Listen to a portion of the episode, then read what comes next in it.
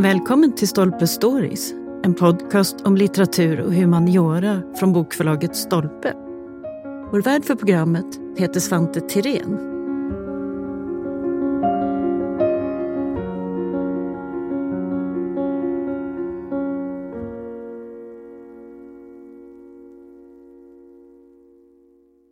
I boken En besjälad värld så får vi en bred ingång till folktron i olika tider. Vi möter älvor, troll, vittror och sägner men också bakgrunden till varför de här blev så viktiga.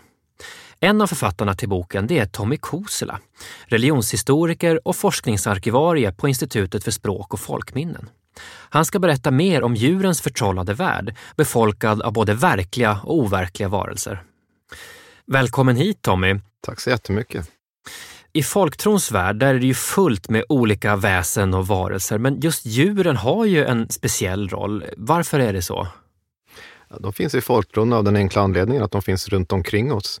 Precis som människan rör sig ut, inte minst i naturen, så är det det man stöter på, eller hör, eller på något sätt eh, märker av. Och vad det är för något man stöter på är inte alltid helt självklart. Det också beror på tid och, och sinnestillstånd och massa andra detaljer som kan påverka intrycket av det man möter. Och är det så att eh, människor och djur, fyller de lite olika roller i folktron eller går de in i varann? Hur ser det ut med det där? Ja, alltså djuren är ju någonting annat än människan och man kan se på djuren på olika sätt. Man kan ha den här bruksblicken, att man ser dem som eh, typ naturens skafferi, för det var ju en vanlig syn förr i tiden i alla fall. Medan människor, det är ju någonting som man måste ha ett annat samspel med på ett annat sätt. Mm. För förr i tiden så är det klart, då levde man ju mycket närmare djuren, eller hur? Alltså de var en del av, av vardagen på ett annat sätt. Vad innebar det för det här med folktro och djur, alltså när man har så närhet till djuren hela tiden? Ja, alltså vi har ju olika typer av djur som man säger. Vi har ju husdjuren då, de som lever närmast människan, som man utnyttjar till olika saker, till att eh, till plogarna på åkrarna eller eh, man har till mjölk eller någonting annat då till mat. Men sen har du också djur som är vilda, som man inte har kontroll över. Och de kan man möta av olika anledningar, inte minst om man exempelvis är verksam som jägare så är ju just djuren någonting man vill åt. Och det gäller också att förstå sig på hur djuren fungerar, vilket inte alltid är självklart. Är det alla djur som förekommer i folktron eller är det vissa grupper av djur eller så som är vanligare? Jag skulle säga att de flesta djur faktiskt, det finns berättelser om de flesta typer av djur, om inte till och med alla.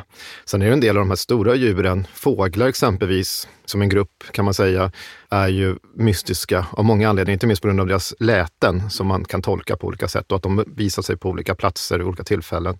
Men sen har du också de stora djuren, alltså rovdjuren som björn och varg och i viss mån lodjur, det finns inte så mycket skrivet om den, och järv, men björn och varg absolut finns det väldigt mycket om. Så egentligen alla djur som människan möter, de kan ha någon slags roll i, i folktro? Ja, så kan man absolut uttrycka det. Var det också så att djuren som stod hemma i laggården eller så, kunde man tillskriva dem magiska egenskaper också, även om man träffar dem i sin vardag hela tiden? Vanligaste här är istället att man försöker skydda dem för att de inte ska bli drabbade av trolldom från annat håll eller att de på något sätt ska bli sjuka. För det var det man var intresserad av, att de ska liksom hela tiden producera någonting. Och eh, det kanske inte är så mycket att de är magiska på något sätt så, men däremot vill man skydda dem från handlingar från onda ögat från en granne eller att de ska eh, övernaturliga väsen på något sätt ska sätta sjukdom på de här djuren och på så sätt kan man liksom med olika riter och, och, medel skydda dem från det onda. Så precis som människorna som också försöker skydda sig mot ont, så också djuren behöver någon typ av skydd? Ja, för djuren är lika utsatta som människan av den här liksom, övernaturliga världen om man säger så. Då finns det en ganska speciell gemenskap då, att djur som människa, vi står alla inför alla dessa krafter. Och... Mm. Och de här hoten kan ju också komma från, inte minst från en granne eller en annan människa. Det kan också vara krafter som avundsjuka som nästan blir som en magisk kraft i sig eller någonting annat, att man vill någon illa. Bara en sån tanke kan på sätt och vis skada ett djur. Så det är inte lätt att säga egentligen vad det onda är eller så, utan det kan uppträda i väldigt många olika former. Om man tittar på det här med, med djur och, och, myter och sägner så verkar det som att viss färg har betydelse, eller hur? Särskilt vit färg, alltså mm. den vita älgen bland annat. Varför är vita djur någonting som har blivit så speciellt? Man kan säga så här att det som avviker från det normala är väl det som man tillskriver någonting extra. Som om man möter en helvit älg då, som jag skriver om i det här kapitlet i boken. Eller om man stöter på en helvit orm, som inte heller är vanlig här. Så laddas de här med liksom magisk betydelse, så att man tolkar dem att det är något speciellt, det avviker från det normala och därför finns också förklaringar till varför de är det. Då kan man tillskriva dem att de tillhör den övernaturliga världen, att kanske är så att det är trollens eller vittra om det är Norrland då, att det är deras djur helt enkelt. Man kunde stjäla dem. Alltså, ormarna är en annan historia i och för sig, för att de är istället knutna till, eh, man kan tillreda någon slags gryta eller koka dem så kan man få, om man då smakar på spadet så kan man bli, eller på köttet så blir man klok, får man Mm. del av deras visdom. Och är det här just med vita djur, ser man det i många kulturers folktro, att det är just vita djur? Det är olika och det är här att det är en färg. Vi kan ta ett annat exempel som kanske mera, känns mera, de flesta känner till. Det här med att svarta katter anses ju vara knutna till olycka Ja. eh, idag och till häxor. Men om man tittar runt om i världen så kan det också vara helvita katter och även här i Sverige har det varit så. På samma sätt som svarta katter. Så att den där rollen kan vara omkastad så att det är vit katt som betyder otur istället för svart Aha. katt. Och sen har det förändrats och det är inte minst med via intryck från eh, populärkulturen och annat som då också har utövat ett inflytande här. Så ibland kan det vara tvärtom lite grann det här med färg, men det är just att det är en distinkt färg, är det det som Ja. är... Ja. Eller det kan vara röd, det kan vara en röd ko exempelvis, helröd, som man då kan berätta om, som man har stött på kanske när man är ute i fäbodarna eller någonting. Och då då är den kon då också anses vara övernaturlig. Eller så kan det vara en enkelfärgad med vissa fläckar som också avviker från det normala. Så man får väl säga att det är det som avviker från normen, så att säga, Mm. vad, man tänker, vad man är van vid. Just det, det gällde att se upp för djuren vad de hade för färg eller teckning på sig. Ja, och sen är det situation när man möter dem. För att menar, om någon har en vit ko, det är inte kanske så jättemärkligt i sin, på sin gård, men stöter man på en kritvit ko som kanske är mindre än andra kor med förgyllda horn, för så kan det berättas, långt ute i naturen, ja, men då börjar man fundera på vad är det här för djur? Var kommer den ifrån? Ja, det är naturligtvis de övernaturliga väsnenas djur. Apropå det där med, för den där svarta katten som går över gatan, va? och då är vad det man ska spotta tre gånger över axeln, eller hur är det nu? Man ska avvärja det onda på det sättet, ja, annars får man otur. Och var, var kommer en sån där sak ifrån egentligen? Är det, går det att, att veta det eller är det bara en sån här föreställning som flyter omkring? Man kan säga att många av de här flyter omkring och många av dem finns spridda över stora delar av världen. Men det, det, också, det laddas ju av symbolik beroende på vilken kultur som berättar om det. Så att det, det där kan det också skilja sig. Men mycket av det här man skulle kunna kalla det för vardagsskrock egentligen. Och där kan man hitta en del gemensamma nämnare runt om i världen. Men det är, just katten är ju ett, tyvärr ett djur som har laddats med mycket negativ symbolik i, i västvärlden. Och även i och för sig i östvärlden, för det finns ju mycket i, i österut, i i Japan och sådär, så där katten också kan laddas med ganska mycket farlighet. Och just det här med att man kanske inte kan spåra det alla gånger, att det är lite gemensamt på något sätt. V- vad säger det tror du om folktron? Är det helt enkelt en slags trosystem som går igenom olika kulturer och, och världsdelar? Folktron är ju egentligen en förklaringsmodell till hur världen hänger samman och det man stöter på. Så att den är ju rationell inom sina egna ramar. Så att det här förklarar saker och ting som kan vara lite annorlunda, varför saker och ting händer. Och det är klart, om man tänker sig att om skatan sitter och skriker i trädet utanför och så får man främmande, och då kanske man direkt för ihop den här äh, kopplingen, att den faktiskt skriker på att det kommer komma en främmande, eller att någon kommer dö. De kan ibland skrika för att berätta att det blir dödsfall eller någonting annat. Och tänker man så, då kanske man, "Ja, men hörde inte jag skata i samband med det här? Så det, man, man sätter ihop ett och två och sen till slut så blir det en, ett, en tro helt enkelt på något sätt. Så kan det mycket väl vara. Betyder det att väldigt lika uppfattningar om djur och sånt kan uppstå oberoende av varandra på olika platser? Det tänker jag mig absolut. Och en del djur som är knutna till, säg, försvinner ner under marken, under jorden, ormarna är ett bra exempel på det, har ju laddats med väldigt mycket symbolik över hela världen. Man har alltid fascinerats av vad tar ormarna vägen, vad händer, varför ömsar de skinn? Alltså det är mycket saker med ormar som man kanske inte fullt ut begriper på vårt naturvetenskapliga sätt, utan man försöker förklara med traditionen då som grund och berättelser vad folk har stött på för typer av djur. Och även andra djur som är farliga för människan, ja men då kanske man tillskriver dem ännu mer saker i traditionen. Det är det att man inte riktigt har den typen av kunskap som vi har idag. Men den är inte mindre värd på sätt och vis i den kulturen man, när man pratar om det. Så ibland uppstår samma myt oberoende av varandra på olika platser och andra gånger så färdas de runt på olika sätt. Ja, det där är ju också en sån här gammal diskussionsfråga inom forskningen, hur de här berättelserna har traderats. Och liksom, vi har en typ som kallas för vandringssägner, som är en berättelse som kan, man känner igen hela berättelseformen och den kan liksom gå vandrat med, med människor, färdas från mun till mun. Eller idag har vi också på internet, går det väldigt snabbt istället. Att den liksom färdas från plats till plats på en väldigt kort tid och det är samma berättelse. Och den, den liksom anpassar sig efter den plats den är på. Så man kan byta ut vissa detaljer för att det ska passa in mera, men, men det är samma grundberättelse. Medan andra istället uppstår oberoende av varandra för att människan har betraktat sin omvärld på ett liknande sätt helt enkelt. Mm. En släkting, tror jag i alla fall, till ormen, det är väl draken mm. som ju är så vanlig i folktro. Är de släkt eller vad, vad är draken? Hur ska vi beskriva draken? Ja, draken är superfascinerande. Om man tittar på du har ju myter om drakar som går tillbaka redan till uh, Beowulf när det gäller liksom Norden. Eller egentligen ännu äldre, tillbaka till hällristningar kan man ju hitta också ormfigurer på, ah. som är flera tusen år gamla. Men det är ju att den äldsta formen av drakar brukar vara någonting som slingrar fram. Eh, och det är ju då en, en orm. Och ormer är ett gammalt fornnordiskt ord också för drake. Jaha, så det var samma sak i ja, språkligt? det här med vingar och sånt kommer in senare. Det finns vissa fall, men, men i många av de äldre beskrivningarna här i Norden i alla fall så är det ju oftast en slingrande stor jätteorm. Då som, jag menar, den här kändaste drakdräparen i, härifrån, våra breddgrader, är ju Sigurd. Och han alltså, dräper ju draken Fafner. Och Fafner är ju beskriven som en sån drake som slingrar fram, alltså som en orm. Så det är inte den här ödlelika draken med, med ben, utan då är det just en, en slingrande orm helt enkelt? Ja, i, må, i många fall. Och sen finns den andra också, så att det, liksom de, det finns olika typer. Redan i den fornnordiska liksom, Edda-diktningen så finns det en drake som heter Nidhögg som sägs flyga över liksom, världen. När världen har gått under och föds på nytt så flyger Nidhögg över. Men annars tycks Nidhögg vara en orm som gnager på Yggdrasils rötter. Jaha, så det finns både slingrande och krypande och lite olika varianter av drakar parallellt? Eller? Precis, man kan säga det finns en annan benämning så senare, så pratar vi kanske 1800-tal häromkring, men man kallas drakorm. Då fångar man båda ja. aspekter i samma.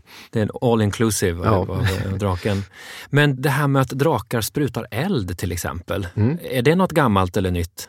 Ja, det finns ganska gamla. Jag skulle säga att det äldre är ju många fall att de sprutar etter, alltså gift. Jaha, en vätska av något slag? Ja, eller? Du, du har ja. ju den, en av de kändaste drakormarna, eller ormarna, är ju Midgårdsormen. Och det är ju det den gör. När sådana Tor, guden Tor, kämpar mot Midgårdsormen så är det ju ormens gift som han sedermera dör av. Mm. Samtidigt som han själv dräper ormen. Då. Men det här eldsprutandet finns ju också, men jag tror att det är, i folktron är ju inte eldsprutande drakar jättevanligt. Däremot att de är giftiga, det har man tänkt på. Många gånger är det också tungan som man tänker sig är det som, som blir som ett stick ifrån. Aha. Inte tänderna utan det är tungan som är Just farlig. Så den, är den eldsprutande dragen lite senare på något sätt i sin spridning? Eller? Ja, både ja och nej. För att den finns ju exempelvis i Beowulf och Beowulf är vi långt tillbaka i tid. Manuskriptet är från runt år 1000 men man kan dra tillbaka en kanske 600-700-tal. Och det är ju, den ska ju utspela sig då motsvarande dagar Sverige. Så där har vi faktiskt en eldsprutande drake som är gammal här. Ja, allt finns, men det är lite olika hur mycket det berättas om det i, i olika tider. Ja. Om vi tänker på mer vardagliga djur, kossor, får, mm. getter, höns och så vidare. Jag menar, draken är så mytisk, men de här vardagliga djuren, vad har de för roll i, folktron? Som jag sa tidigare så är det oftast att man vill skydda dem från saker och ting. Mm. Så det är som, man, man skiljer på husdjur och sällskapsdjur. Husdjur är de som finns på gården som man har nytta av. Det är det mesta under bondesamhället är ju nästan alla djur husdjur. För man, har inte, man håller sig inte med en liten sällskapskatt utan den har ju nytta på gården. Och det är att man kan ibland fundera på vad de, vad de kanske kan vara extra känsliga för det övernaturliga, att de ser saker. Vissa djur är mer sådana som typ hästen eller hunden har man tillskrivit att de kan se kanske döda eller känner av saker och ting. Katten kan i vissa fall också tillskrivas sådana förmågor.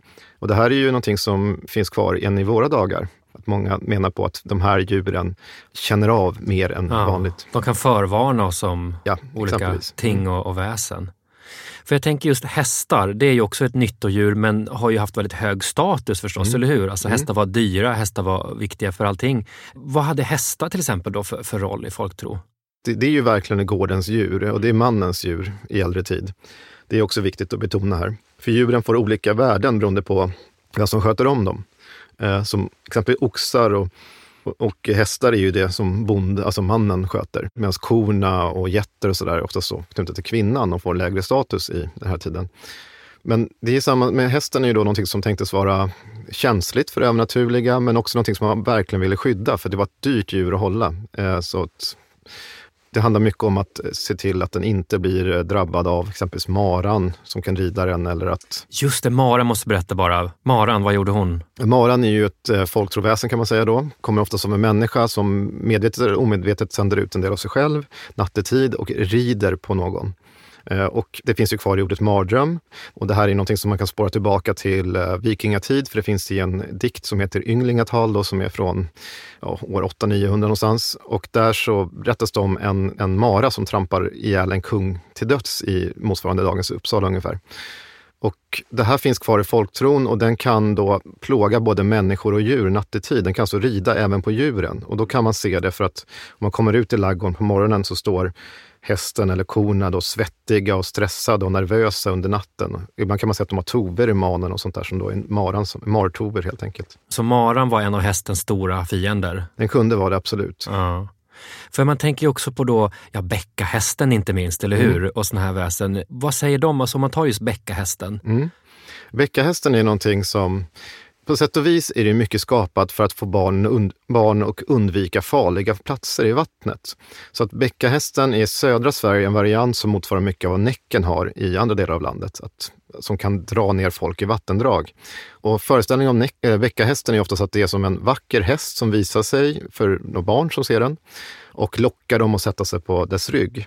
Och desto fler barn som sätter sig, desto längre blir hästen. Så att den kan liksom rymma hur många barn som helst egentligen. Och när det sista barnet har satt sig, då rusar den ut i vattnet och dränker allihopa, sägs det. Så det är ganska hemskt. Men det är också, jag tror att vuxna har använt det här, man kallar det inom forskningen för en fikt. Alltså en pedagogisk fiktion, för att få barnen att undvika de här farliga vattendragen. Man kunde prata om brunnsgubben och annat också för att få barnen att undvika leka vid brunnarna. Jag tänker också det här med katter och hundar som vi fortfarande har en, en, nära relation till. Har de avmystifierats eller finns det kvar folktro om sånt här än idag? Ja, eh, det är en jättebra fråga. Om hunden så kanske inte har lika mycket folktro, alltså laddas med lika mycket symbolik, tänker jag instinktivt. Medan katten däremot har fått ett uppsving.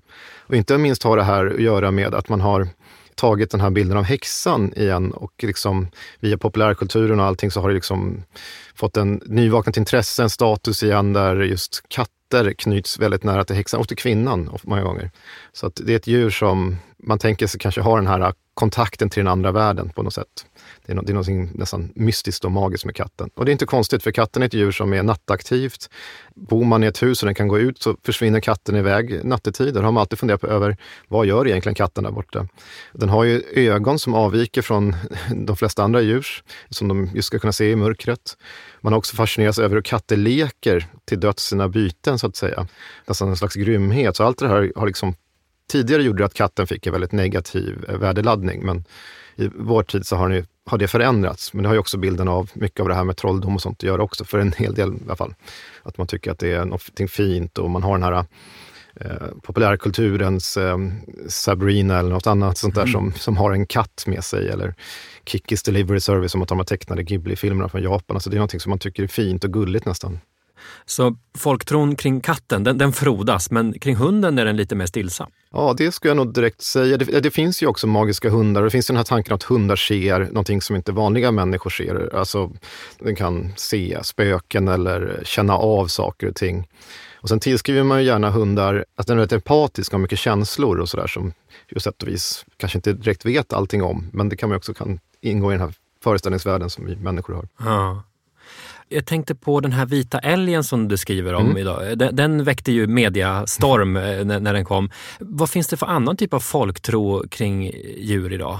Jag tror att det är fåglarna idag som ju mest kanske har funderar över deras läten, eh, var de tar vägen. Man kan liksom se väderutslag, alltså ta tydor som man sa förr i tiden, hur vädret ska bli. Tidor, det är alltså? Ja, man kan spå, man spår, man ser liksom in i, av fåglarnas eh, rörelsemönster och läten och hur de sitter på träden och sånt där kan då visa på om det kommer bli regn, om det blir liksom storm eller någonting annat.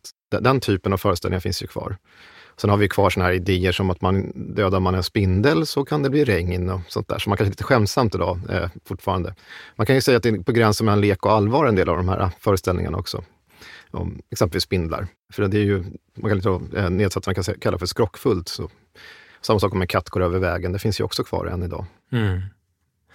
Idag så lever vi i en tid med internet och sociala medier. Är det där folktron liksom sprids idag eller? Ja, det också. Alltså, internet har gjort att saker sprids blixtsnabbt och över stora ytor på ett sätt som aldrig var möjligt i äldre tid. Alltså, du kan ju idag i princip ladda upp någonting, som vi tar den vita älgen som ju bara är ett exempel för att man har känt till de här älgarna i Värmland sedan hundra år tillbaka ungefär.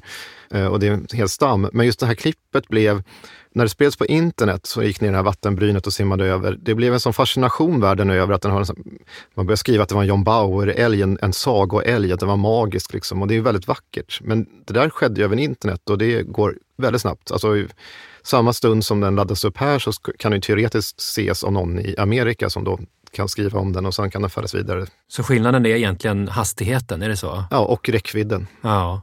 Det är inte så att de blir eh, fler och, och mer olika berättelserna eh, när, när det finns så många spridningsvägar? Eller? Jag tror, alltså berättelser har alltid varit olika. Det är ju när man pratar om de här folkliga föreställningarna så kan ju förklaringar till vad olika djur symboliserar och annat skilja sig åt även i samma, så att säga, man, kallar, man pratar om kyrkosocken exempelvis, mm. en socken.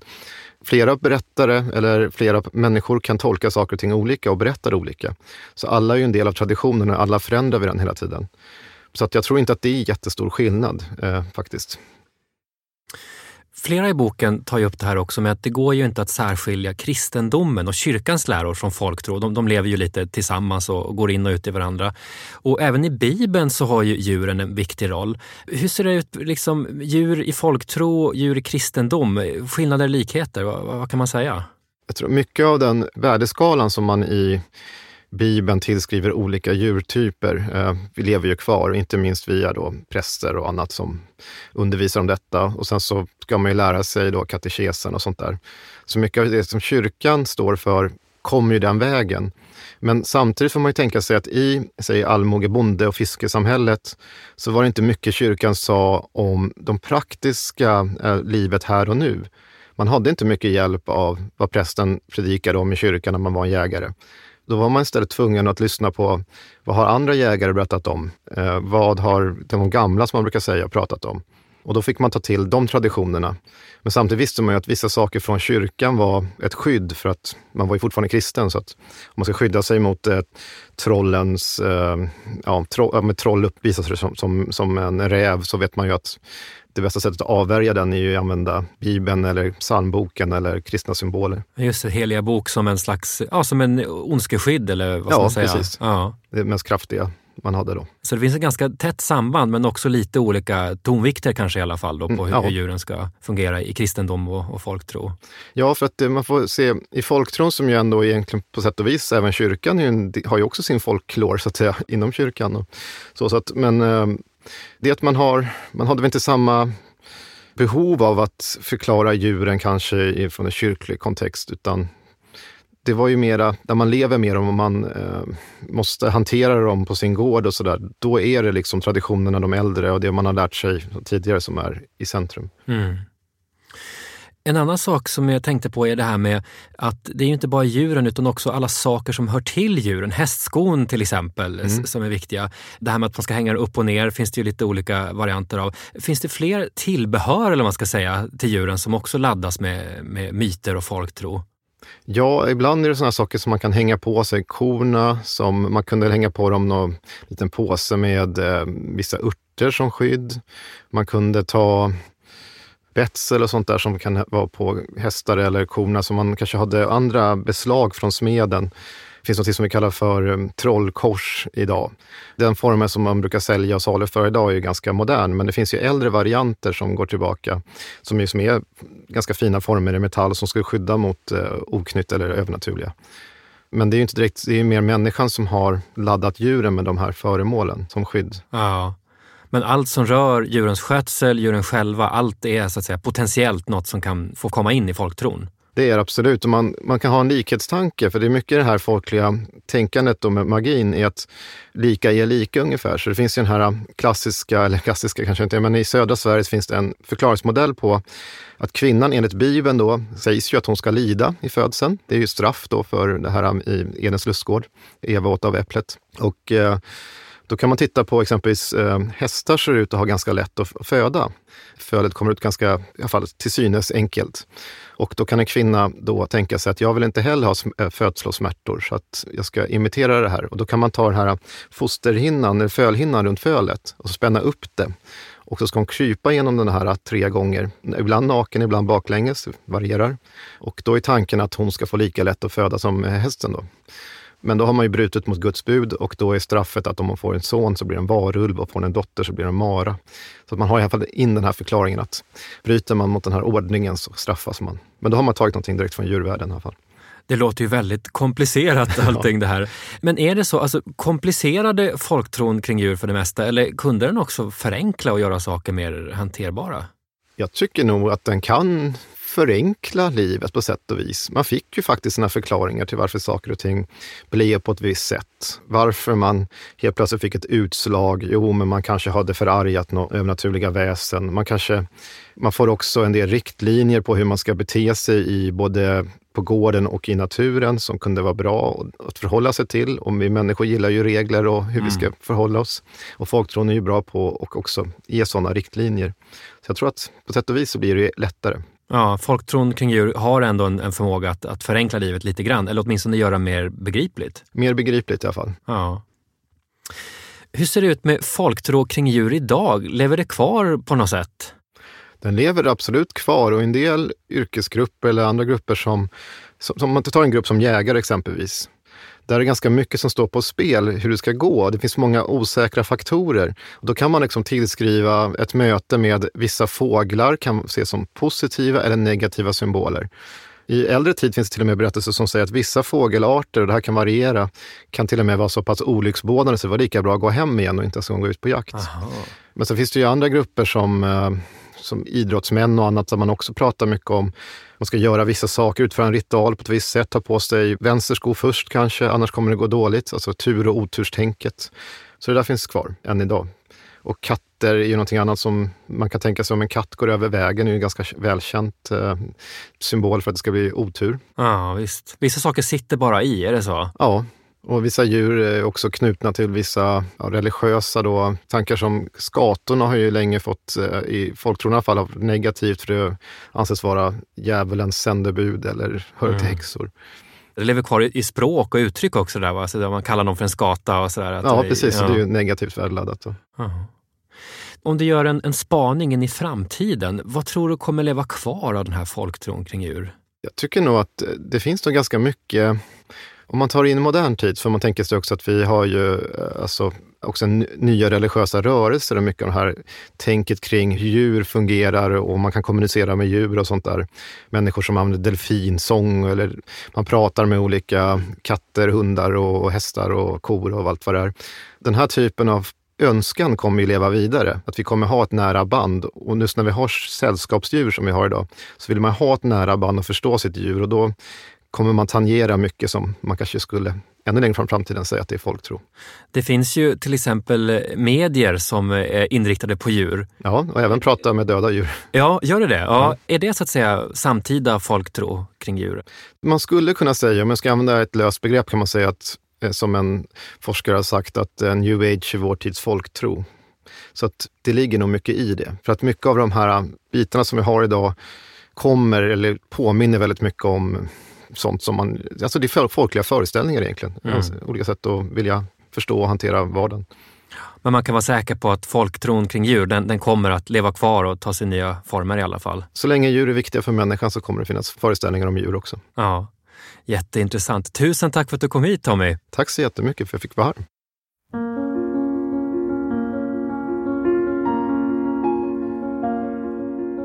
Tack för att du har lyssnat på Stolpe Stories.